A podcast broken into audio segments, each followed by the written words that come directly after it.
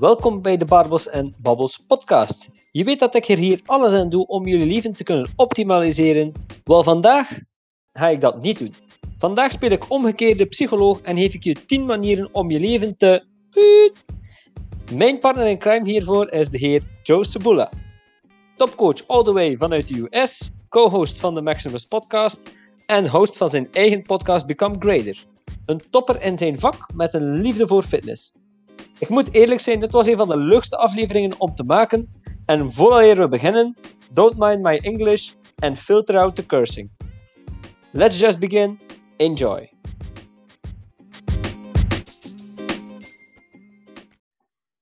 Welkom bij de Barbels en Babbels podcast. Ik heb vandaag terug een, nieuwe gast voor jullie. En uh, die gast komt van uh, helemaal aan de andere kant van onze aardbol en onze wereldbol. Um, en die gast is Joe Sabula. Welcome, Joe. Thanks for having me. Uh, it's it's great to have you on the podcast. Um, the reason I found you to be on the podcast was uh, through my favorite podcast or one of my favorite podcasts, and that's the Maximus uh, podcast. So yeah. that's where I know you from. The people, there are going to be a lot of people who don't know you. So for the people who don't know you, who is Joe Sabula? Uh, well, uh, I'm just this guy, you know. I'm just I just hang out uh, over here in Minnesota, and uh, I guess good at what I do. Um, we we launched the uh, the Maximus podcast now. Gosh, I, I, think we're at 125 episodes already, which is sort of mind blowing for me. Um, but uh, uh, my podcasting partner Bobby Maximus is uh, how most people know me. Um, he he was a UFC fighter. You know, was the training director at Gym Jones, and that's actually how I found him.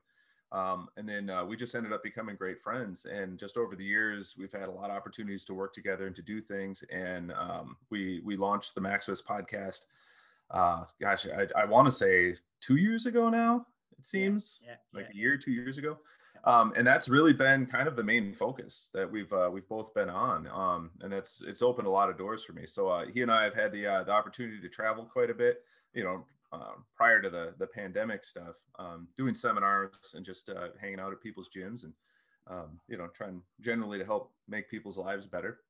Yeah. Uh, and uh, I guess I've just built quite a fan base just uh, hanging out and doing cool shit. So yes, yes, yes. Um, you're you're a, you're a trainer as well, so personal trainer. Um, yep. Mostly online stuff, or do you go uh, out and? So I well? I I did own a CrossFit gym for the better part of the last decade. Um, so I started coaching uh, full time in 2011, and then in uh, October 2018, I actually sold the gym.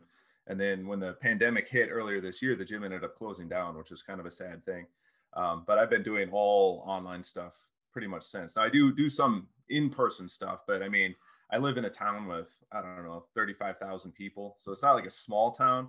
Um, but if I compare 35,000 people to, you know, like 7 billion people that are available digitally now, I feel like that's the better market. And so the, the majority of my stuff is done online, but I'll never turn down in-person training. Obviously I, I owned a gym. I love training people in person. I love that atmosphere. Um, but obviously having the overhead of a facility, you know, we call a bricks and sticks. Um, that's a lot. And online, I don't have to have that. And, and frankly, I've found, especially during this pandemic, online stuff is, is great. I mean, people really see some you know phenomenal progress and and, and can really uh, uh, find that that bit that they've been missing just because yeah. they've got an actual coach and somebody holding them accountable. So that's been good for me. Yeah, yeah, yeah. You're also a well um, educated uh, trainer, uh, have a lot of degrees, certificates. What to you are the most important? the experience, more the than experience, anything. It's the experience. Yeah. You know, uh, I, I remember there's a another uh, trainer, somebody that I'm a fan of, a, a guy named Eric Cressey. He does he does a lot of work with uh, professional athletes, specifically baseball. Um, a really really well educated guy, really well respected. Uh, you know, somebody that I look up to. I know Bobby looks up to. Um, a lot of the people that I respect respect him, kind of a thing. And he had written an article one time about whether it was more important to get a degree or would you be better off spending that amount of money doing like weekend certifications which sounds a bit like a silly, you know, question. But he was like, you know, having a degree in exercise science only opens a couple very specific doors for you. Like if you want to work in a, in you know a professional sport, it's kind of necessary. And and even there, there's ways around that. And he said, so if, if you're assuming you're going to go to college, and I think at the time he was saying it's going to be like twenty seven to thirty thousand dollars that you could spend just to get that one certification versus like literally going every weekend and getting a different you know weekend certification. He was like the amount of people that you meet and the experience that you have ends up becoming worth a lot. And to me that's really the thing because i'm ridiculously over certified i have more certifications than any personal trainer will ever need. And it wasn't because i i was looking for some bit of information i didn't have or didn't need i'm just generally curious I'm yeah. curious and I like learning. And most most importantly, it's the people that you meet. You know, if you're going to go to, to some kind of certification, there's going to be, you know, 20, 30 other people there. That's a chance to really network, to get to know people. And uh, some of the best friends I've had in life, I've met, you know, doing these kinds of things because yeah. now there, there's something you were both generally curious about. You were there to learn. You, you got along as people, and then you just stay in touch afterwards. Yeah, yeah, yeah, yeah. Um, um, when when oh, with all that, with all that thing, you completely uh, cut me off guard. Uh, I'm, I'm just thinking now of my, my next question. Oh, we're gonna go back in time. Normally, this is what I do with most of my uh, guys who come or girls who come on the podcast. We mm. go all the way back. So I like to know where you came from, where you, why, how was little Joe as a as a small guy, and how he how did he end up uh, being this oh, interested was, in sport and was joe ever a small guy i was born six foot 220 um, no, I grew up in a in a very small town in Wisconsin, a little ways north of Milwaukee. Um, so I was sports in Wisconsin is a very important thing. So when you're born, um, the first thing they do is they actually they cut your arm and they see what color you bleed. And if it isn't green gold, they, they kick you out. They send you away. Um, so I grew up a Packer fan. I grew up a, a, fan of the Wisconsin Badgers, the Milwaukee Brewers, you know, the Milwaukee Bucks. So sports were always uh, a thing in my family in particular football. I mean i have so many memories of sunday mornings at my aunt's house when the whole family we had a large irish family the whole family would get together in this tiny little house and that football game was always on. And like when when the packers were playing nobody was chit chatting it was like we were all watching the game we we're all engaged in the game and so there was a, a culture that surrounded that um, we used to take trips in the spring and in the summer to go see the Brewers play, and that was like where I met, you know, my cousins.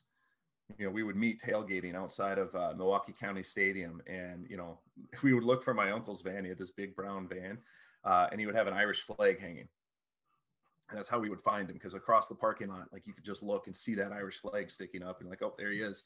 And you'd head over there, and everybody would be around. You know, so it didn't matter like where we parked; it's just where we gathered. And then, you know, spending the day at a baseball game like that that that kind of thing was always there. So when I got into you know school, it wasn't a question of whether I was going to play sports or not. It was just kind of like accepted. It's like that's just what you do. You know, you get into into you know sixth, seventh grade, you're going to play football. It's just what you do. It's what everybody did. There wasn't ever like, a, oh, I think I want to. It's like, of course I knew I wanted to. My goal when I was little, believe it or not, was to become a punter in the NFL.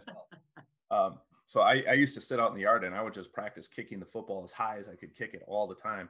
Um, a lot of people wanted to be a quarterback. A lot of people wanted to be something else, but I wanted that money for kicking a football. I thought that would have been the greatest job on earth. It's like you yeah. don't even have to worry about getting hit. you just yeah. kick that ball and run. But for, for people who don't know here in Belgium what a punter is, it's American football. So uh, Joe, explain to the people what, what does a punter do? Basically you just kick the bar the ball as far as you can down the field. This is the uh the your your offense has failed and you're just trying to get rid of the ball at this point. So just just and you get you get money for that. You get paid for that. You like, get millions if yeah. you're good at it you get millions it's the stupidest thing in the world. And and there's way less pressure than like a place kicker who actually has to like kick it yeah. through the uprights. The punter doesn't even do that. They're just sending the ball downfield and and it's illegal to hit the punter so it's a pretty safe gig. But that, yeah, that yeah. was my thinking when I was little. Uh, when I actually got into uh, playing sports in school, uh, football was my passion. I mean, immediately I took to it. Um, but I was I was big in my grade, and I went to a small school, um, so that automatically put me on the line because it's just wherever the most massive guys are, that's where you were at. I wanted to be a linebacker. Um, but I was there were guys that were littler, so they got to be the linebacker. I had to be the defensive lineman. Um, but over you know a six year career of playing football from junior high through high school, uh, I did pretty well. I mean, I was a pretty well respected player. I won a, a you know, bunch of accolades, but our school was a small school in a big division, and so it wasn't like there was a ton of opportunity there for us to really shine. Um, we had, I think, 19 guys on our team and we were going up against teams that had like 30 or 40 people on their team. And so there were games literally where I was on the, the initial kickoff team and I never stepped off the field until the, the game was done. And that's pretty rare. A lot of guys will only play one side of the ball. They only play offense, they only play defense. I was on the field the whole time. And so even then, I think that that started a, a passion for me for training because the conditioning got to be really important and I mean, I'm just a kid at this point. I'm not really putting two and two together, but understanding like how to manage your energy and how to manage your stress and even your emotions during a, a long, grueling, demanding sport like that was really important. Um, I also played basketball. Our basketball team was terrible, uh, probably the worst ever. I would put it up against anybody's worst team. Um, I had a great experience. I had a, a, a lot of really great coaches, but the uh, the culture surrounding the team in my school was just very bad and so there wasn't a lot of room to excel there. Uh, track and field was sort of my reprieve from all of that uh, because it was an individual sport. Um, I really enjoyed that too. I, I uh, did shot put, discus. I did some uh, high jumping. I was a sprinter. It was like anything that needed to get done, I could I could jump in and I could play. You know, and I think especially being again, I was a big dude. I mean, even in school, I was you know over 200 pounds, um, and being asked to high jump it was like, well, this isn't really going to be my forte. And so I kind of went into it with this attitude of just like, let's see what happens. And I ended up really enjoying it and learning a lot about uh, uh, the technique of it and how much uh, dialing that in can make a difference and overcome different physical limitations. Uh, after high school, I ended up going to University of Iowa. Um, I gave up the chance to play any kind of collegiate football because I actually wanted an education I decided I was going to study film and I had an opportunity to go there. Um, accidentally fell into the Taekwondo team. Um, accidentally. accidentally. so again, I was there studying film and I absolutely fell in love with Hong Kong cinema. And so every time I had an opportunity in any of my film projects uh, to, to do something related to Hong Kong, Kung Fu film, that style of yeah. filmmaking was just so fun and entertaining. Um, I uh, I gravitated towards that, and I, I just needed a credit at one point, and there was a phys, uh, physical education course on kickboxing, and I was like, oh, that'd be cool. I'll take kickboxing, and I tried to register, but it was full. So I was like, well, I guess I'll try this taekwondo thing, and you know, it's like half a semester class, so I'll I'll see how it goes, and I absolutely fell in love with it. Uh, so I I was showing up at class, I was taking it very seriously. At this point, I weighed about 265 pounds at six foot tall. So I was a pretty big, chunky, beer guzzling college kid. Yeah. Um, at the end of the year, I was on the team. Um, I, I want to say by the time I was a, a, senior and I graduated, so this is probably over three, three and a half years, um, I was 198 pounds. Yeah. And I was uh, I was one of the top fighters on the team, um, you know, state can champion. You, can you go to to 190 uh, pounds. Like how much kg is that for the for the people who don't know? Uh, so uh, 100 kg would be 220 pounds. Yeah. So if you assume I was well over that to well under that. Yeah. Yeah. Okay.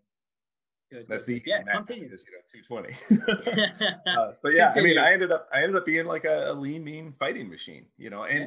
that that was really the point where I I realized two things about myself. One, I was I was passionate about fitness and about physical training um, but I was also very competitive. It took me a long time to wrap my head around my competitive nature because I used to get really um, anxious about competition, but it was more because of what I expected from myself. And so I mentioned earlier, like I had all these team sport experiences that I really loved. I loved having my role on the football team. You know, I loved having my role on the basketball team, but I really enjoyed the, the individual sports and it, it was in college when I realized that the only one putting pressure on me in an individual sport was me. And Taekwondo was great because we did have a team. I mean, there were there was a way that we won, like you know, as a team, but it was all through my individual effort. And so I had to learn, especially stepping into the ring and actually doing like full contact fighting, which is what it was. I mean, this is basically boxing with your feet. You know, you yeah. could lose teeth, you could get knocked out. I saw guys get some, you know, career-ending injuries, getting kicked in the head it was dangerous. Um, and that and that was part of the draw. But learning how to manage all of that stuff was really, really key to me, and and developing the confidence to be able to say I can hold my own with anybody in the world. Yeah. And I'll tell you, even even to this day, I'll step in the ring with anybody. I'm not necessarily going to win, but I'm not afraid of the injury. I'm not afraid of you know of, of, getting obliterated by somebody because I know enough about what I'm doing and I'm, I'm confident enough and good enough to know how to move, how to avoid it, how to how to avoid those mistakes that result in those things. But to be fair, that's thousands of fights under my belt. Yeah. You know, if you ask a, a, professional fighter, like, what's your record? They'd be like, oh, it's like nine and two. You know, I'm like 10 and one. I'm like 786 to like maybe 400. I don't know. in the beginning, I lost more fights, and towards the end, I won more fights. And, you know, eventually you get to the point where it's like you're definitely, you know, winning more than you're losing but you lose count along the way. And then are you counting only fights that were at an official tournament? Or are we talking like every sparring match that you've ever been in at every yeah, competition? So it, it gets kind of blurry there, but I mean, that's a lot of experience to get to that point. But again, even being in there um, on, on the team, you know, it really, I would say the team started when I was there. And I remember being in the uh, in the the regular phys ed class, and it was ending, and so it was like, well, what do I do now? I don't have this class anymore. And they said, well, there's a club. They meet at night. So if you can get it in your schedule, you come to these classes. And so it was like Monday, Wednesday, Friday. That was what I did. It's like I would go up to the to the the club and you know you train for an hour or whatever. And I was up there for a number of weeks, just learning the forms, learning the techniques. You know, I was uh, at this point, I think a yellow belt, just hanging out with the other yellow belts. There was like five or six of us in that little group, and we got to be friends. And uh, one of the black belt instructors had said, "Hey, I'm going to do some like sports specific uh, fight training on Tuesdays yeah. and Thursdays. So if you're interested, meet me up here." So I was like, "Hell yeah, I'm going." So I went up there on that that next Tuesday, um, and it was just me and her. so the two of us were sitting there, and she was just like, "All right, you're you're my my kicking bag," because she's already a black belt. So I had to learn quick, just so that I could, you know, hold shields for her, hold pads for her, and, and do the drills that she was doing. Um, and then a, a, lot of the conditioning stuff, we spent a lot of time uh, just doing very, very basic stuff, strengthening hip flexors and legs and being able to kick and, and, flexibility and all that kind of stuff. So I picked it up really fast. And then, you know, I mentioned it to a friend of mine and they told two friends and they told two friends. And by the end of a year, we had, I think, 60 or 70 people that were showing up for those training sessions. So it was yeah. big, you know, and that was really our strategy at winning as a team was to just flood the tournament with as many people as we could get to show up and steal all the points from everyone else. Um, but being sort of one of the founding members of that, I, I felt a uh, sort of I'm looking for a responsibility yeah. that I had to help it grow. I had to help nurture it, and so I ended up kind of in a coaching position. And then again, being one of the the first people there, you know, everybody who shows up after you assumes you've been there all along and you know what's going on. And I just kind of ran with that, and I ended up running uh, morning workouts. So all our our conditioning workouts that we did in the mornings, um, and I was I was terrible I'll tell you right now, I was a terrible, terrible coach.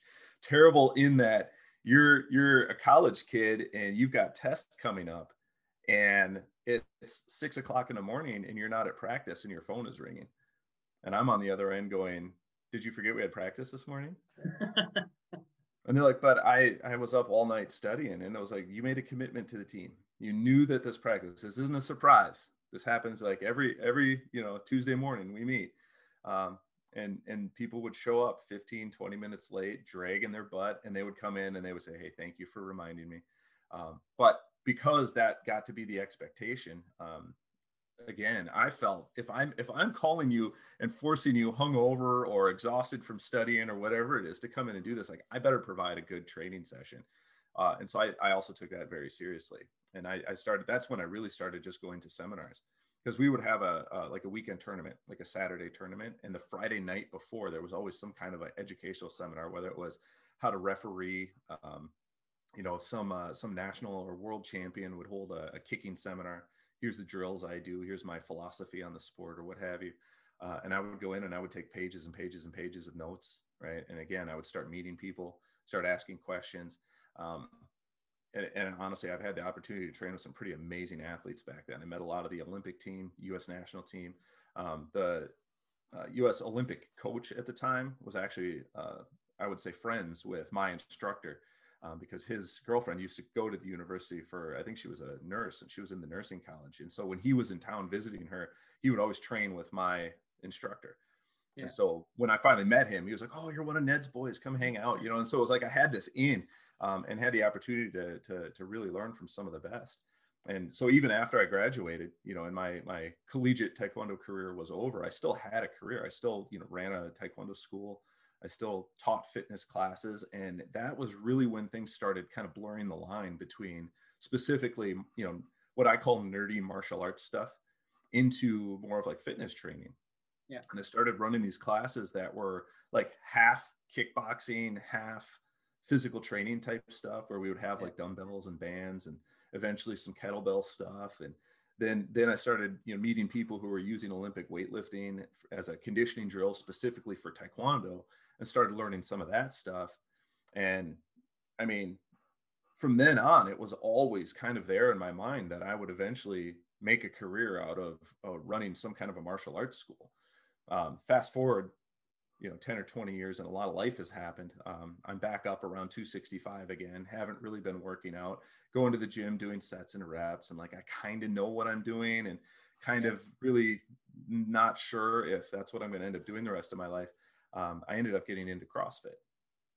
And it was like i had come home. Like i had missed how hard you had to work. I had missed you know that being an individual person in a global gym trying to get fit is pretty terrible you know, where it's like, it's like hard, you're, you're yeah. going from machine to machine and there's nobody really pushing you and there's no real expectation. And then all of a sudden going back into that environment where it's like we're all in this together and we're all doing the same workout, we're all pushing each other. I remember my very first intro session was at uh, CrossFit St. Paul. Uh, and just the fact that there were people like cheering for you and, and excited that you were pushing yourself hard, I was just like, oh yeah, I have missed this and and I hook, line, and sinker, I was in. And you know, then it was like when I first joined the Taekwondo team, where I, I couldn't wait to get to class. I couldn't wait to learn the next thing. Um, I was so eager to get through my intro sessions. I was just like crushing those workouts, just trying to show them I was ready for the regular classes. Um, and and within six months, I mean, I had already dropped like 15 pounds and you know I, I, had gone from being able to do like two strict pull-ups to being able to do like 21 butterfly pull-ups. Like i was really felt like i was getting somewhere and then decided i was going to sign up and take my my crossfit level one. Got my level one happened to to at that time be working with a, another taekwondo instructor um, and, and doing some like kickboxing fitness type stuff at her facility and just said oh hey by the way i just got my crossfit level one and she was like oh my god i got my crossfit level one and I was like, I had no idea. And we'd been friends for two, three years at that point. And she had just said, um, by the way, CrossFit Twin Cities is looking for a coach. And I was like, who's CrossFit Twin Cities? And she was like, oh, so the, the grandmaster that ran all the, the Taekwondo schools in the cities, um, he also owned a CrossFit affiliate and his instructor was going off to be a Marine and they needed somebody to cover the classes. And so she's like, so I'll do an introduction for you. And I was like, okay, cool. Uh, his name was, uh, they called him Grandmaster Lee. And I, of course, would know the name Lee is, is very common in Korean. Um, so I, I, never really put two and two together until I literally walked in his office for the interview and I recognized his face and I realized he was on the uh, US national team when I was on the University of Iowa collegiate national team. And so a lot of these seminars and a lot of these, you know, tournaments that I went to, we were like hanging out in the same group, but we never really got to know each other. And so as soon as I walked in, he just looks at me, he's like, where do I know you from? And I was like, you were on the U.S. national team, like 2000, 2001. He's like, yeah. I was like, I was on the University of Iowa collegiate national team. And he was like, yes. He's like, I remember you from tournaments. And I'm like, that's exactly right. And then it was like, you know, so who do you know in the sport? And, you know, I, I had been training with one of the coaches that he is very close, you know, to personally. And so he was just like, oh my God, you're hired. Um, actually, funny story about that. He's like, I want to try you out as a Taekwondo instructor. I'm like, okay, cool. So, you know, the next day I show up, I have my uniform on, and and he was like, um, introduce me. Uh, they always call me Mr. C because Sabula is just kind of hard for kids to remember. So I was Mr. C. He's like, uh, uh, this is Mr. C. He's like, why don't you take these kids through their first form? And I was like, cool. And I went in the other room and I taught them like almost the whole form within the like 20 minutes that I had. Uh, and he came in and he was just chuckling. He was like, I meant like the first three movements, but like you crushed it. He was like, he's like, great. Well, we'll take you on. And, and that's actually how I ended up. I, I was coaching part time with the Taekwondo school and then running these fitness classes through the CrossFit affiliate um, at night. And within six, seven months, the CrossFit thing had really started to grow because now you had a very focused, concentrated coach who was interested in growing it. Um, that's when I ended up coming on full time. So I quit my full time job and just focused on the gym. And within a couple of months, uh, on a handshake, I got 50% of the business.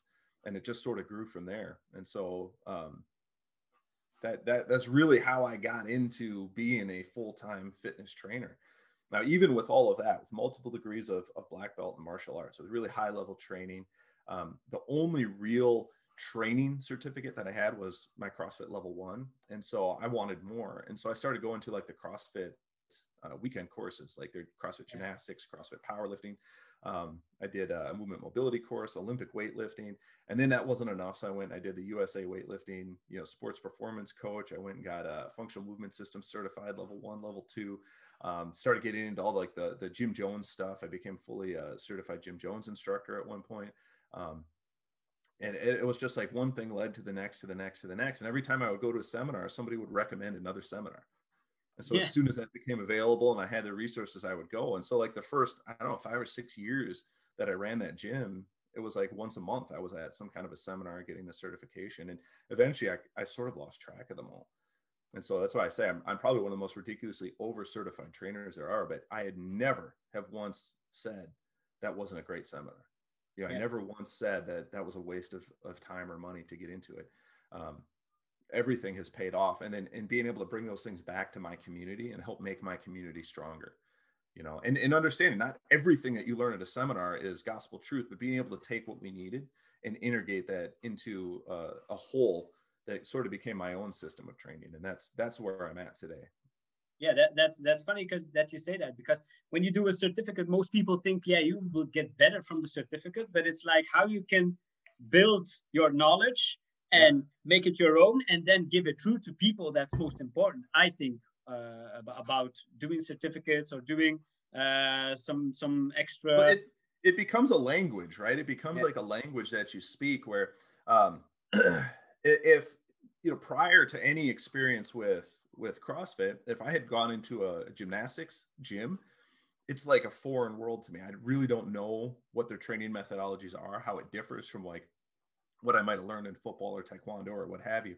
Um, but because I had this like sort of base uh, understanding that I got through doing the CrossFit thing, I was able to have a conversation with those guys. And then going to the CrossFit gymnastics certification, being there with like really high level gymnasts who are speaking a language I understand opens that door. And now it's like, you know, my daughter is five years old and she's in gymnastics, and I can go in there and have a discussion with the guys that own the gym about their training methodologies and ways that they might be able to tweak or improve it. And it becomes a fruitful conversation. You know, I'm not trying to take everything that they have learned and know over their entire career and then steal it or anything like that. It's like in a way we're all kind of speaking the same language, but we're delivering it through through different methods. In fact, I would say that's probably one of the reasons why Bobby and I uh, became really good friends. Yeah. Was because everything that he was saying in his seminars was matching what I knew through my experience.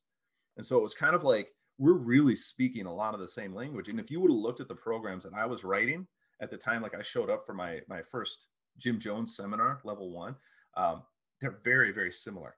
And he really just helped me refine that a little bit more and really pull in some other, you know, other resources that I, I didn't have access to up until that point.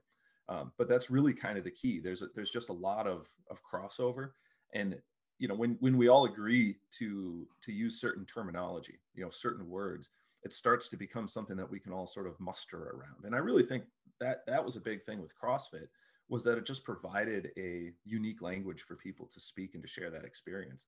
And that's where that community bond really, really became strong. So yeah. for me, it was this very liberal arts approach to fitness. Of, I don't need to know everything about powerlifting, but I should know enough about powerlifting that I can talk to a powerlifter and then relay that information over here to a gymnast yeah. you know, and take what that gymnast is saying and being able to relay that over to like a, a, personal or a physical trainer, somebody who's dealing with like injury or rehab or something like that, or having an athlete who had a gymnastics background and introducing them to something like Olympic weightlifting. Like I want to be that that nexus, you know, yeah. that that hub of the wheel, and that's I guess again sort of where my my system has evolved to. It's yeah, just sort of being that connector that's that's awesome. That's, that's, a nice way to put it. And and it's it's nice to know where you come from. And you're well diverse and in, in a lot of sports and and you're well diverse in certificates. So you know a lot of things about a lot of things. Yeah. um so so that's awesome awesome to hear. Um, so I was listening uh, lately to a podcast with uh, with you and Bobby, uh, mm-hmm. which which I normally do, um, and and it, it, it, was a podcast about um, how to be a loser. Oh, um, and Bob, Bobby always always uh, talks talks about he steals things from people and then he gives them credit after. So I kind of did the kind of did the same thing. We had Bobby on in the in the first season of the podcast. So for people who don't know, uh, just just go back. Uh, awesome dude as well. Um, it, it, it kind of switches the the the material up. So in, instead of us giving uh, people tips about how what they should do, we're gonna give we're gonna give people tips of, of how to fuck up their lives and how to fuck up their nutrition. It's it's uh, amazing how much useful information you can extrapolate well, by studying the wrong thing.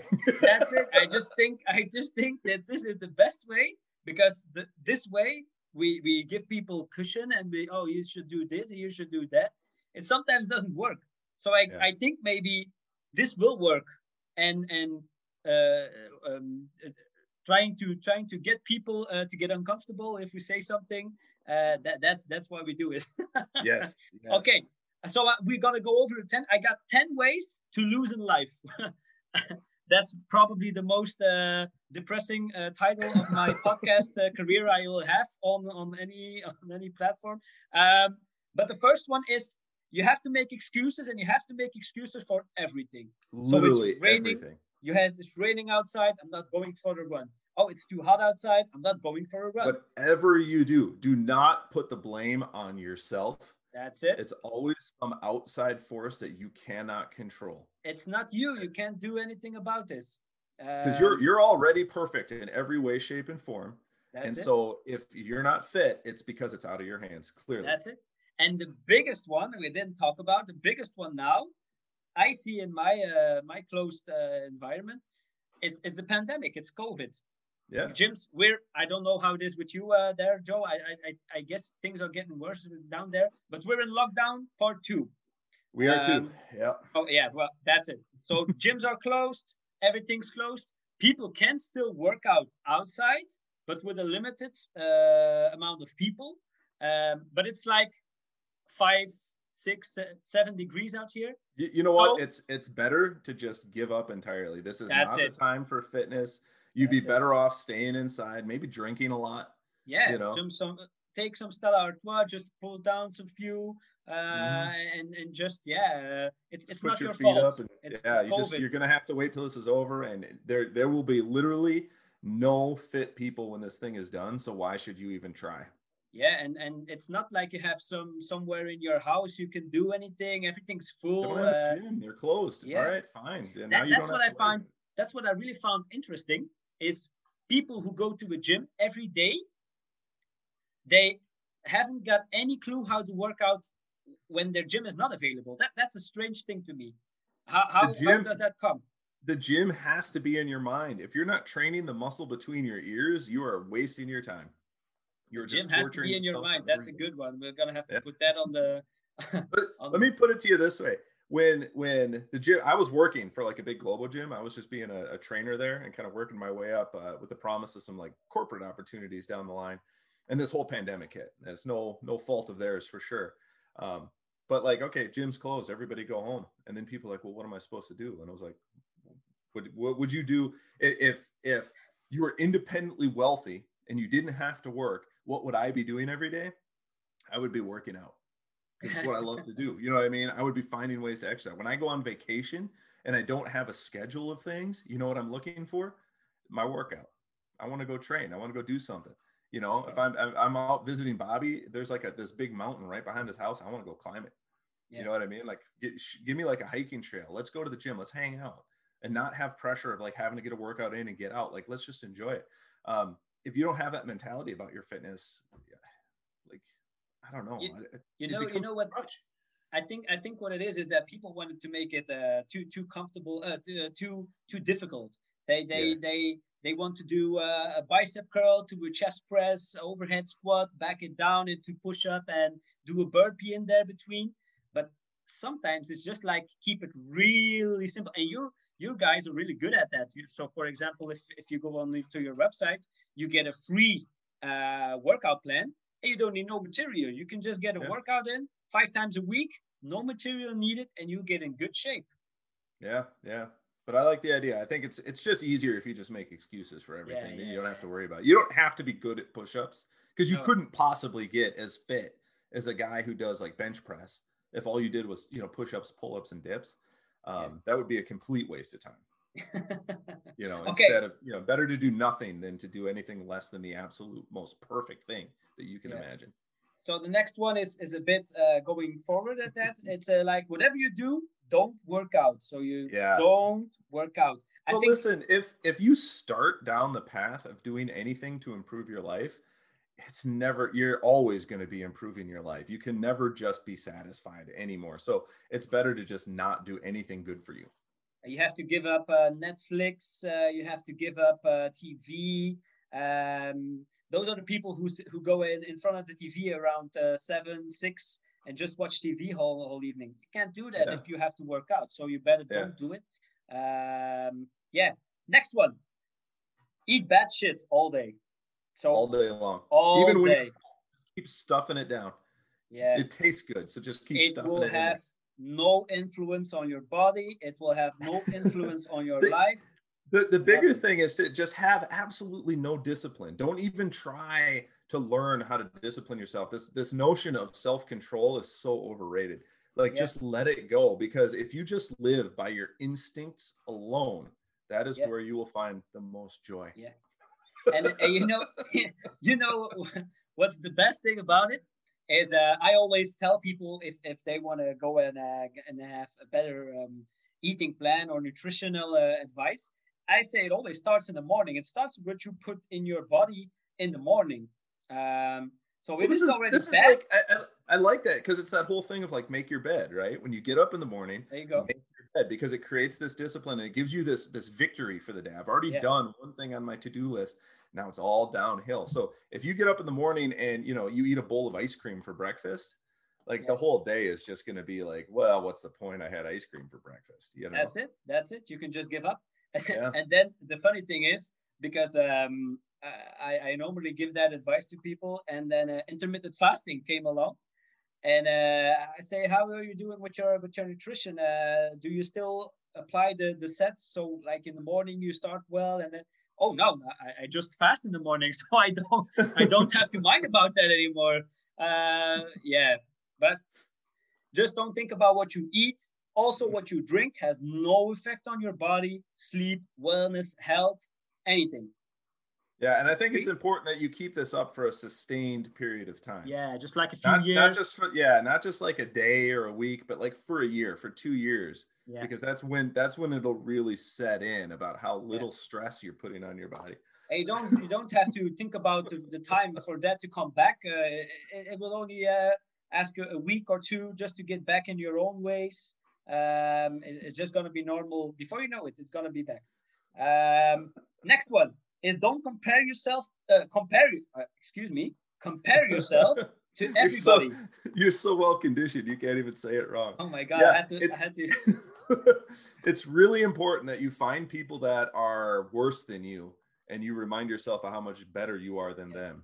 Yeah. Don't yeah, yeah, ever don't ever don't ever look to people who might have yeah. you know traits For- that you for- admire. Uh, for a fact, if you're on now, just go open your phone, click on the little button that says Instagram, and just scroll through.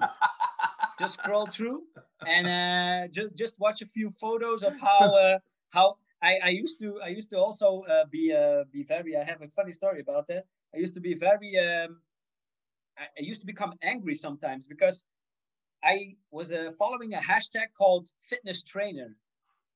When you see the fitness trainers, they have the perfect bodies.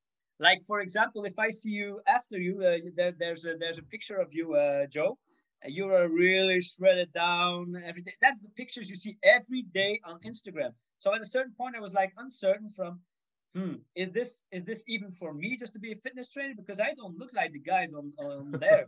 Do people really choose their their trainer based on that, or or so? Just compare yourself to everybody, and I think the social media is the best way to do it. No. Yeah, yeah, I agree. I agree. Getting getting a glimpse of people on their perfect day is a much better way to try to live your life than assuming that anybody's human. yeah and and you you have of course you have um you have to think that they didn't have to do anything for it, it just came naturally they just came out of Well, the air that- that's the making excuses. Obviously, they just had good genes. Yeah of course Not like me. Obviously, I don't have good genes. you yeah know? just they just they just were one That- day they were lying sunbathing in in in their garden and just a six-pack just follow on on their Do you on their- remember? Do you remember the the Tobey Maguire Spider Man where he just wakes up with like six pack abs? He's like, "Whoa, that's how it happens to everybody. I still Yeah. haven't found that spider, man. I, I, it. see. I got I got my uh my you know personal training certificate, and that next morning I woke up, I was like shredded, and I Yeah. could climb walls. It was weird. Yeah, I still have to do like I still have to do like ten percent of that certificate. I, I almost got it though. okay, the next one is a very important one, and and that, this is a one that that I really uh, that I really like. It's it's just don't believe in yourself. You have You know, th- no this one this you one give up is on your so important. You you Yeah. as soon as you face the slightest bit Yeah, of obstacle or resistance, you just need to quit. You just need to give up Yeah, because yeah, yeah. obviously it's never going to work out. yeah, It's yeah. not Just worth it. just uh, just yeah. If you- if you start something and it doesn't work in the first two days, just give up, man. It Just it isn't worth.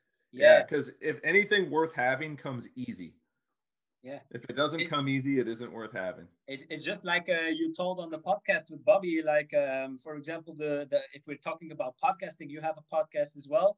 Um, yeah, you just have to. You're already uh, a few episodes uh, in front of me, but like Joe Rogan, the most uh, important and Yeah. the most uh, uh, the best podcast in the world, has a thousand, uh, thousand, two thousand, three thousand, I don't know, episodes.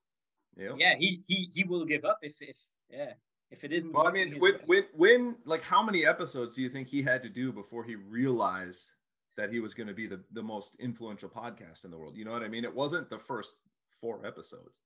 He didn't start episode one and then have a million downloads. You, th- you think what uh, what I think it's important right there is that you have to do it for yourself. You have to enjoy it yourself. If you want to do it for other people and you again you want to go back for how will people look at me or how will this or how will that, then you just will give up. I think Joe Yeah. Rogan has zero fucks about how other people think about him. Just like you and Bobby do, just like you do, and you just do it because you want the info to be out there. I've got something to say, man. You know what I mean? Like, so, somebody asked me once when I became a trainer, they said, What do you think was missing in the fitness world that you were going to fix? Like, what was the thing? Because that identifies your brand. And, and it occurred to me after, you know, a decade in, in the industry that a lot of people cannot answer that question. Yeah. They just got into it because it was like fun. It's just fun. And I just want to, I want to go for a ride. I just want to be on that, that wave of funness. And then it was like now all of a sudden you've got a career and you're wondering like why is it so hard to make ends meet? And it's like because you got into it for the wrong reasons. You didn't you didn't have a passion for running a business. You had a passion for coaching people. You should have just be, become a bench coach somewhere and and, and have a full-time job elsewhere. But now now you're worried about making rent. You're worried about like do I have the right business license? You know, now you're, you're having arguments with the city council about your access to the sewer pipe because you're a small business in a Yeah. town. And it's, it's like, did you sign up for any of that? Like, you're not even equipped to deal with it. So, you know, like I said, if it gets hard, you should probably just quit and just Yeah. just go back to your comfort zone where nothing bad ever Yeah. happens. Yeah, of course. And uh, the the good thing is when it comes around again, you'll just do the same. So it's no problem. Yeah, exactly. So you're conditioning yourself just to give up. Yeah. Uh, okay, this is this is like I like this. This is like fun, just to give people the wrong advice. Um. Okay, next one. Giving up on your principles or principles or goals. Just for example, say you're at a bar and you don't want to drink tonight because tomorrow you have a, a game or something. Uh, but your friends arrive and they try to bait you into a drink. And one hour later, you had a few drinks, you're shit faced. The day after, you're hangover. Uh, your your your match doesn't go as well, or you don't want to go to the gym or whatever. So yeah, commitment and discipline just don't have it. There's two things to that that I think are really, really key. One is you got to surround yourself with the right people, people Yeah. who are going to get you drunk. Those are the kinds yeah, of yeah, people yeah. you want in your life. you want that. And then number two, it's almost better to not even have any kind of set standard by which you live your life. You shouldn't Yeah. have moral values. You need to be able to switch those things to fit situation to situation so you can be more, I don't know, hedonistic in your existence because that's where real pleasure and real joy and real understanding come from. Because again, if if you've got this thing that says like, "Oh, I need to be disciplined," and then you're at a party, like, "Sorry guys, I got to be disciplined." It's just not as much fun. yeah, It just really Yeah. isn't. of course. And and why do you think people lose their discipline so much most of the because they time? don't they don't want it. You know what i mean? It becomes inconvenient. But that's the thing. Like you don't you don't you, something so simple is like i just want bigger biceps which is total bs by the way. You don't want bigger biceps you want bigger triceps. Big go, yeah. triceps make your arm look good but everybody wants to do their bicep curl. Well if you never challenge that muscle it's never going to change. It's never going to get bigger. It's never going to get better. And it's hard you know you have to put resistance in front of that muscle so that has something to work against. And the more work it does the the better conditioned it's going to be the bigger it's going to be the more impressive it becomes.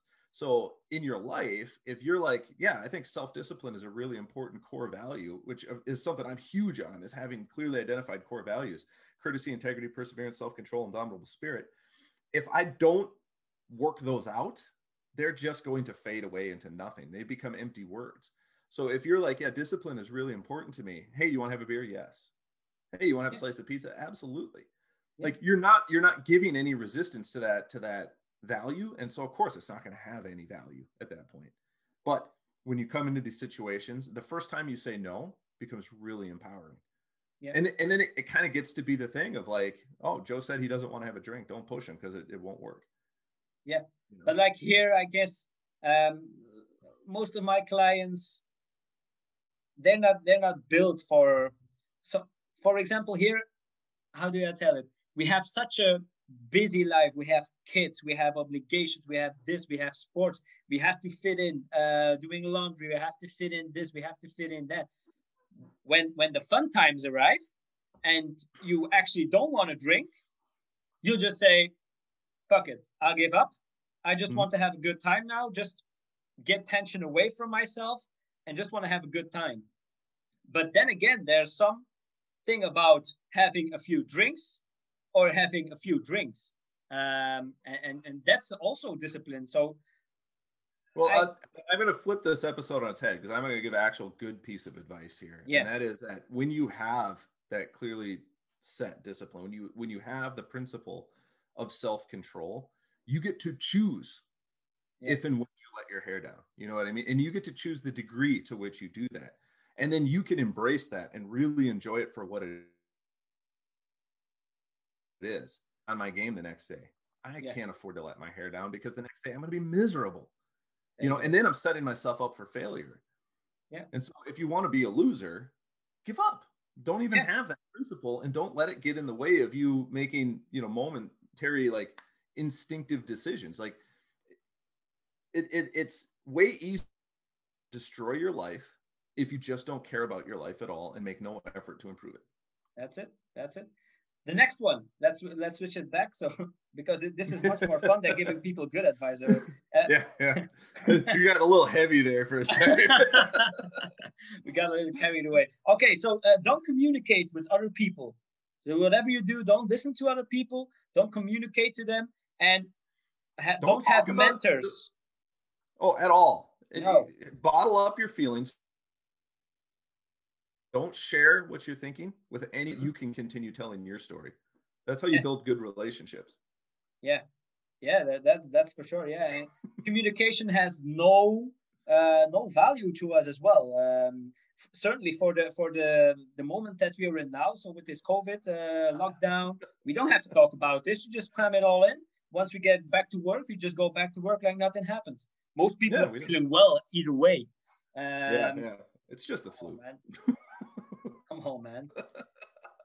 we, we are we are getting maybe getting- maybe maybe you don't like the results of something. I don't know. Uh, I'll just pull this out of the air. Like maybe an election. Maybe you should just go hide in your bunker and not talk to the rest of the world for a while, even though it's kind of your job. It's just better to not even try to talk than to risk saying something stupid. yeah. And what what the people have uh, difficulties with is giving people giving other people compliments giving other people just kind words of loving words just well listen e- even more so uh, again keeping this kind of selfish if you don't have any sense of discipline right? You don't you know you're, you're you're like comparing yourself to everyone. You're coming up with all kinds of excuses if somebody comes along and legitimately tries to compliment you like you're not going to believe them yeah because you know like in your heart of hearts you know what a worthless pile of crap you are yeah, and somebody comes it. up and says man you're amazing i really look up to you it's kind of like huh like, you, you just walk you, just walk after yourself and there's nobody there after you. But okay. exactly, yeah, exactly. It's like you're talking about me, man. You don't know me very well. Like that takes a lot of work to get to the point where you just can't even like someone's like, I like your haircut, and you're like, fuck you. that, that's how I will say that's how you know you have arrived at Loserville. You are the yeah. mayor of Loserville if you can't even take a compliment anymore. Yeah, yeah, yeah. That's for sure. Yeah, but good, good one. Um, try to be as successful. Try to be successful as fast as possible. So yeah, try to get rich no as fast patience. as possible. Yep. There's a there, there's a guitarist I really like. I play guitar and I look up to this guy. His name's uh, John Petrucci. Um, he's yeah. the lead lead guitarist for Dream Theater. He's phenomenal. The guy practices like six hours a day, has for I don't know 30 years or whatever. He's amazing. Uh, but there's a quote. I don't know if he actually ever said it, but it's attributed to him. And the quote is If you can't play as good or as fast as me, you should sell your guitar on eBay and go kill yourself. And I think that's phenomenal advice. that, yeah, that it, it, encapsulates a lot of what we're talking about. Yeah, it's, it's like make advice. sure you compare yourself to somebody who's done way more work than you, who's way more successful than you, and and it, when you can't get it immediately, you should just give up entirely. Yeah, and i guess we can pull that away from from being successful and just put it into the gym for like example 10 10 people come in the gym each day wanting to lose weight and if it doesn't work after one week or they don't lose anything after one week they just quit i don't know how many um, uh, gym gym memberships i have sold to people who have only seen one or two or three times well that's the the whole like new year new you Everybody comes in, buys their gym membership, and by February it's gone. Yeah, they, they think in, in, in one week, one month, they are going to lose extremely. And I give them people one month. Okay, you will see some difference if you keep strictly following uh, working out each day. That doesn't mean working out each day like uh, getting to the gym and getting a good session in. Like, for example, going for a hike, uh, just doing some bike riding, um, just getting more active in your life uh, when you do that, then you'll be successful. But like most people think they're gonna get fit from two times training a day or two times training a week, and they get fit in, in a short time. If, if everybody listening to this podcast would just take a walk every day for the next 30 days, just take a walk. Yeah. They would feel better at the end of the month than they do right now today. And I tell people when they join the gym in a month, you'll feel better. In two months, other people will say you look better. In three months, you might notice a difference. That's it. At the end of six months, you can completely change your your entire physiology. Yeah, that's like what you, I you have to have the patience for that. Some people, like for example, people, um, the, the pr- pregnant women. I, mm-hmm. I also work with some pregnant women. I always tell to them, give your time, give your body the time it takes to develop a child also after the child is there to get back to its normal way. So that takes nine months, mm-hmm. good nine months. Give it a give yourself some slack, maybe 10, 11. Give yourself a year just to get back in shape. So people yeah. who have been on a bad way their whole life, you're you're gonna be successful it, like, in one dude, week. It it took you 35 years to get to the point you're at. We're not gonna That's undo it. that in 35 minutes. That's it for sure. Oh, know? and uh, uh, next one, that we haven't done this. Um, you have to be negative and humorless all the time. So, uh, yeah. yeah. Cynical. Just cynicism yeah. breeds a healthy lifestyle. Just remember that. Yeah, don't for don't laugh with our jokes as well. Just listen to the podcast with a with a very closed mind and uh, yeah. just get just get wind up from the just from the traffic around worry, you and worry more about blowing everyone else's candles out than yeah. trying to make your yours glow any brighter. You know, yeah, yeah, yeah. It's, yeah, it's just just look for the negative in anything positive that anybody else ever does, and just focus on that because then then it becomes way easier to just see negativity. It's our default programming. I say that our podcast all the time. In the absence of effort, our trajectory is to be fat, lazy, and stupid. Yeah. That's what we're designed to be. So don't make any effort, and that's where you'll end up.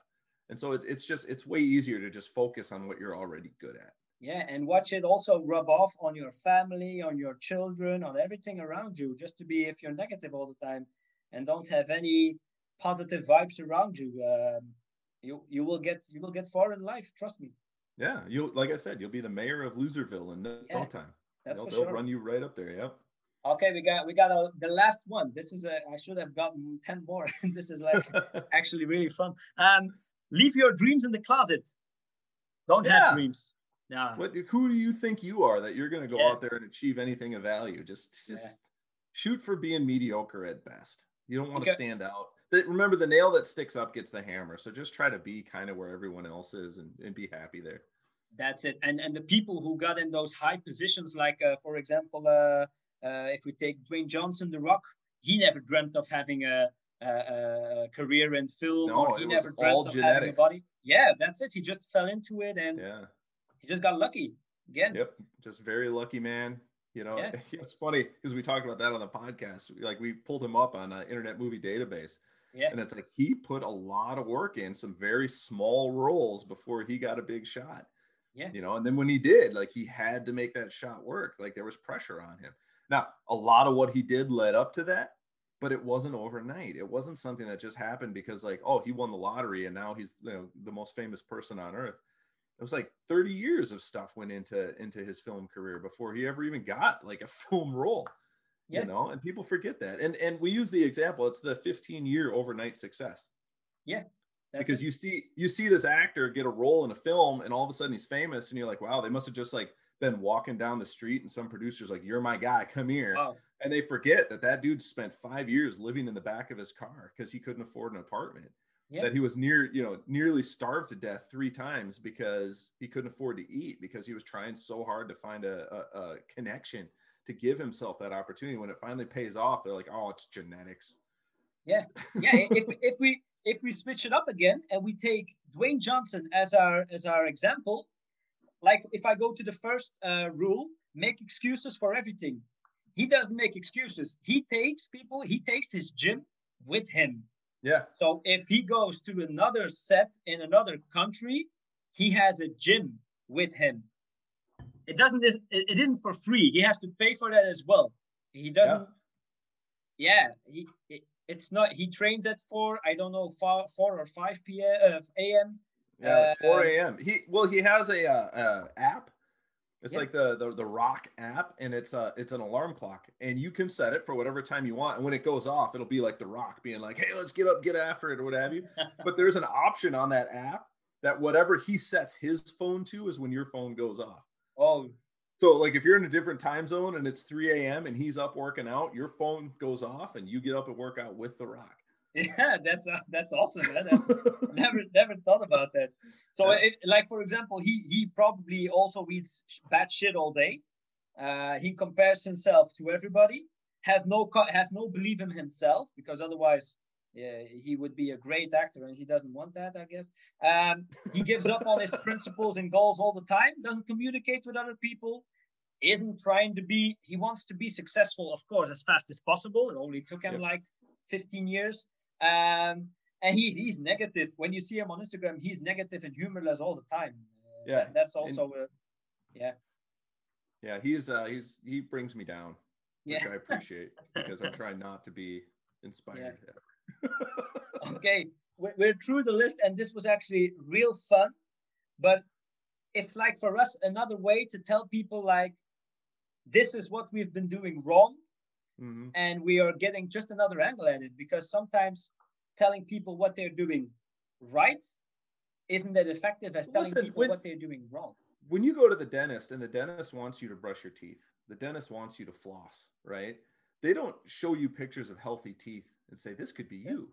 They show you pictures of gingivitis and they say, this is where you're heading. You yeah. need to change your behavior. And guess what? They are the masters of changing human behavior. Nobody is as effective as the dentist at getting you to brush your teeth. Yeah. you know and they and they just schedule you you come in and and uh, i don't know how it is over there but you come in over here and they're like you know give you a cleaning and they're like hey your teeth are good we'll see you in six months they've already got it on the calendar six months yeah. out and you're like you know a month before there you're brushing your teeth twice a day you're flossing because you don't want to go in there and have him show you those gooey pictures again. Yeah that, that's true. Right here in belgium you have to do it yourself. You have to make an appointment yourself but mostly yeah we we here and I, I, that this is another i guess in because i've been to america also and you have another mindset there. People are different. Here in in belgium we act when something is wrong for example if i take the covid um, we were too late we mm-hmm. we act too but like the whole world was too late but we were too late and we act too late on different things and that is what i guess got us in a, a lockdown and that is what I guess got us in the second lockdown as well. Well, America, the mentality is not far different. We like to ignore a problem until yeah. it's time to like throw a nuclear missile at it. Yeah. it's yeah. like we, we we we are either sending in the Navy SEALs or we are ignoring the problem. There's nothing in between. it's like you know a, a, small behavioral change right now could have lasting impact. Don't waste your time. We'll just yeah. wait until it takes a Navy SEAL to fix it, and then we'll send them in. That's that's what they're there for. So so right now you're also in uh, in lockdown, I guess. Uh, yeah. how, how what what's your take on this COVID situation, Joe? I mean, do I wish people would have taken it more seriously? Absolutely. So uh, I mean, I'm in Minnesota and we're surrounded by four other states, which are literally the top four worst places in the world to be right now. and so the fact that we're not in the you know number five or worse is it's telling i think that the people in, in my state have really figured it out quite a bit um, you know it, i think we're proof positive that if you actually pay attention you know wear a mask socially distance it makes a difference um, our governor showed a graphic and it was just a chart of cases right and so all summer long it was very flat and then it spiked up in november um, and he was just saying, well, through the summer, everybody was able to do things outdoors. Like we were able to go to restaurants outdoors. And then come November, I mean, it's cold here. You know, it's like 22 degrees outside right now. Nobody's going to sit outside in that. And so all of a sudden, people are coming inside. And now there's these exposures, and now these things are going on. And of course, again, we're surrounded by states where the governors were literally like, we're not locking it down. It's yeah. it's it's an individual responsibility thing, and we were the only one where there was like an actual government mandate to do things. Um, I think it proves looking at the science and, and making a rule about it seems to work. Like people listen to that. If it's up to, you know, my individual responsibility, well, I live in a small town. I don't really see that many people, but you real you, you don't realize like how many people you have interactions with and how much it can spread. So, you know, do I wish that we would have just nailed this thing right away? Yes. Was it going to happen? Probably not. And now that it's it's worse than it's ever been right now, I feel like shut it all down. Let's just go two weeks, total lockdown, no business, no banks, right? The only thing allowed to operate is the grocery store and only curbside pickup. I think everything else shuts down. Nothing else is essential. You all go home. There's no business. I think the stock market should just be closed for two weeks. I think, you know, uh, everything, everything should be shut down. You know, we don't need gas stations because you literally should not be going anywhere. Yeah. You know what I mean? Like that that should be it. If we would do that, again, we could flatten this curve and buy the health workers the time they need to get the vaccine in place and it's just around the corner. And now what I'm seeing is people are like, "Oh, the vaccine's going to be available like in the next month." So, I mean, we'll kind of put up with some annoyance in the meantime, but it's going to be fine. We'll just get the vaccine and it's going to go away. And they don't realize that vaccine needs to be manufactured, distributed. Not everybody's going to have access to it right away and they're going to be upset when you know we hit the 500,000 dead mark in this country, and they're they're not realizing. Well, I thought we had a vaccine. What what, what do you think? Uh, what do you think that the effect will will be on the people uh, after this lockdown men- mentally? So, uh, for example, my my uh, my girlfriend has been um, hasn't been uh, working full time, uh, only just a few hours a week for like the, seven the, months now the real repercussions of this have yet to be seen. I think yeah. there's going to come a time because we're we're hitting that now, where all of a sudden people are facing eviction, and it's going to be like the government here did literally nothing to help, like nothing. Our our Senate like shut down and refused to even discuss helping people Wow. all summer long. And so we're going to end up in a position where, eh, I mean, the social unrest in the US has been at an all time high recently.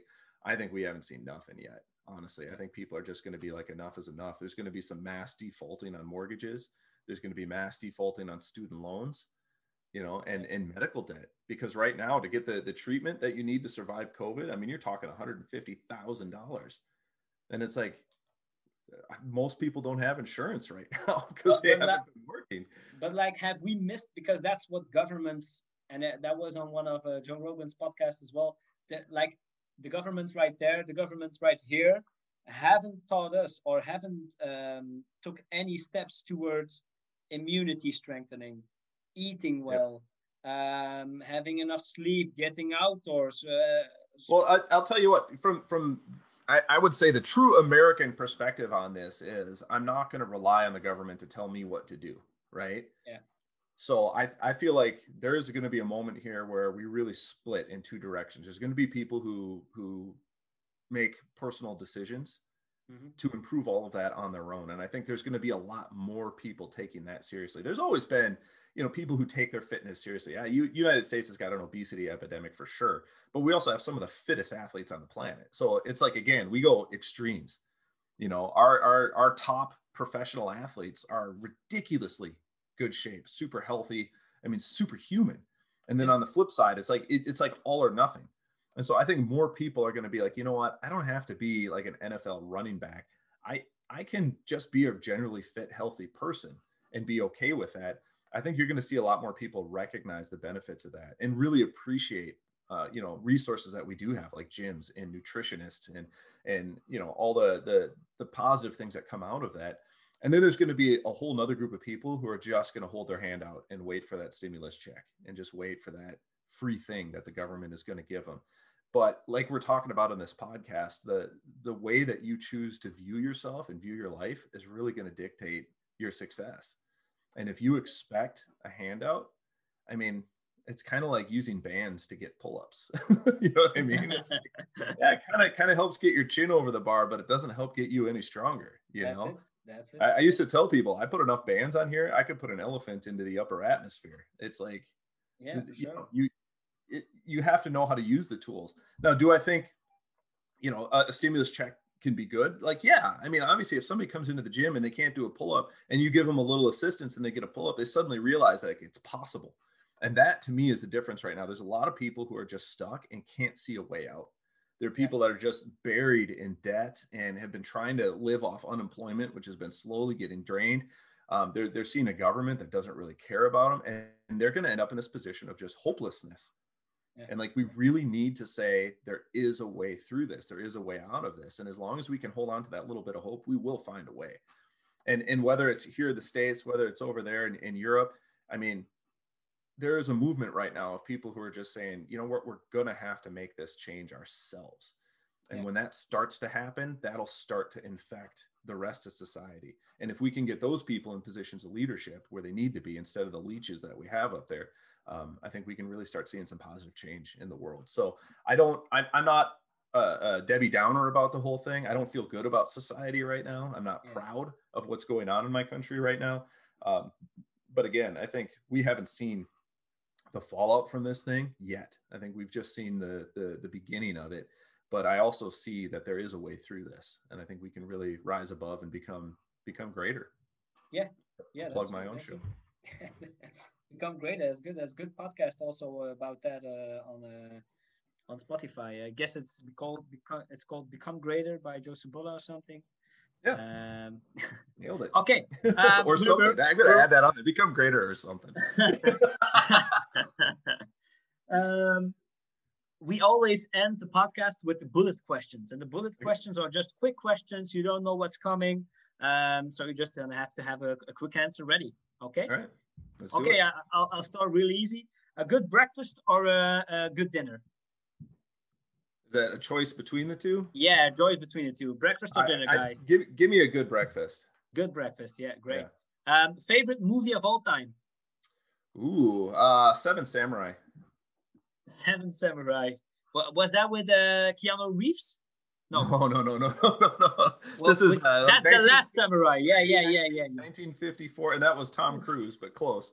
Uh, no, this is uh, uh, Akira Kurosawa. He's a Japanese director. Um, Yeah. It's just it's an amazing film, and I, I cannot recommend it enough. Um, if if you work out, to which music do you work out? Um, I, I'm actually into this sort of progressive metal thing right now. So there's a band out of uh, believe they're out of Sweden called Leprous, and I'm absolutely in love with them. So that's pretty much my entire playlist. It's like the heavy shit. Yeah. Um, with, with, the, with the screaming and uh, the blasting guitars and just throwing them loose. of the, It has to have guitar in it. It absolutely Yeah. has to have guitar. And it. they have to crush the guitar at the end of the song, or not they- necessarily because it Yeah. can be heavy but like emotionally heavy versus like just Oh, yeah. crunch all the time so Yeah. you know I, I i like it where it's, it's musical but it also just is driving you know Yeah. it's it's motivating If you if you um if you hear about Belgium, where I'm from, what's the first thing that comes to mind? oh man um you know what there what was that movie in bruges Oh my, that that's actually what i think of yeah, like, I, I think, I think, Yeah. and, and more like the cinematography not necessarily the story but just like the scenery of it like yeah. yeah, yeah, yeah. Bruges is, is like I, I I was there um last last weekend I guess. It's it's really pretty. It's uh, you should yeah. If you like film and, and scenery, you should visit. It's it's uh, it's very it, it seems very cinematic and yeah, a lot yeah, of yeah, it's history there. Yeah, You know, one of the one of the things, uh, not to, to digress too much, because uh, I, I am pressed for time, but um, the the history of Europe is so much deeper than we have in America. I mean, the United States isn't even 300 years old. Yeah. You know, and so it's like you go to a place where there's you know 10,000 years of history. It's that that is intriguing to me. So yeah, yeah, yeah.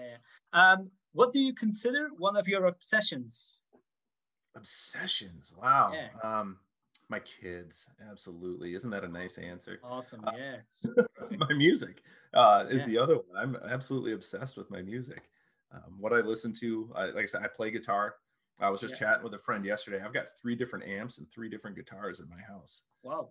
Yeah. You know, like Great. I've actually invested a lot of time and energy in, in learning to play, and yet I've never actually even been in a band.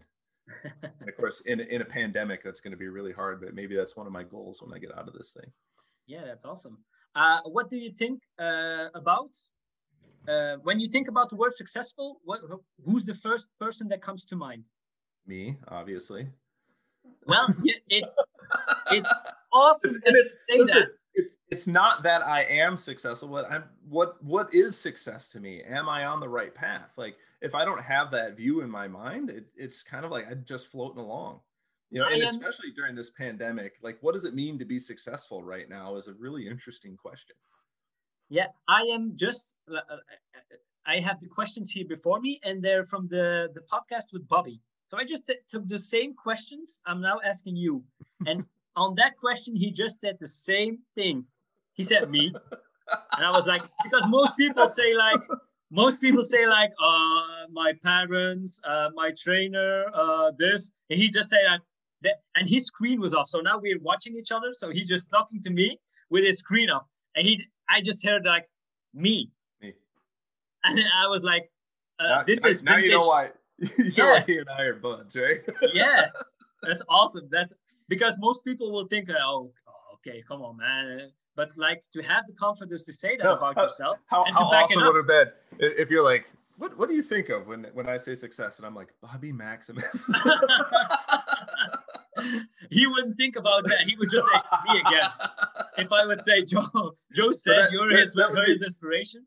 that would be very on brand for him. If. I say Joe was your inspiration, he said, I know. Yeah, of course it is. Yeah. Right. Good. Um, do you have a life quote? a life quote. Yeah. Um, yes, this is uh, Saint Augustine. Actually said, "The glory of God is man fully alive." Wow.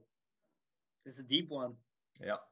Yeah. I won't even comment on it. Just let it yeah sink in. just let it just let it flow um i got two more uh, do you rather uh, do five steps ahead or one step back and two forward One step back, two forward.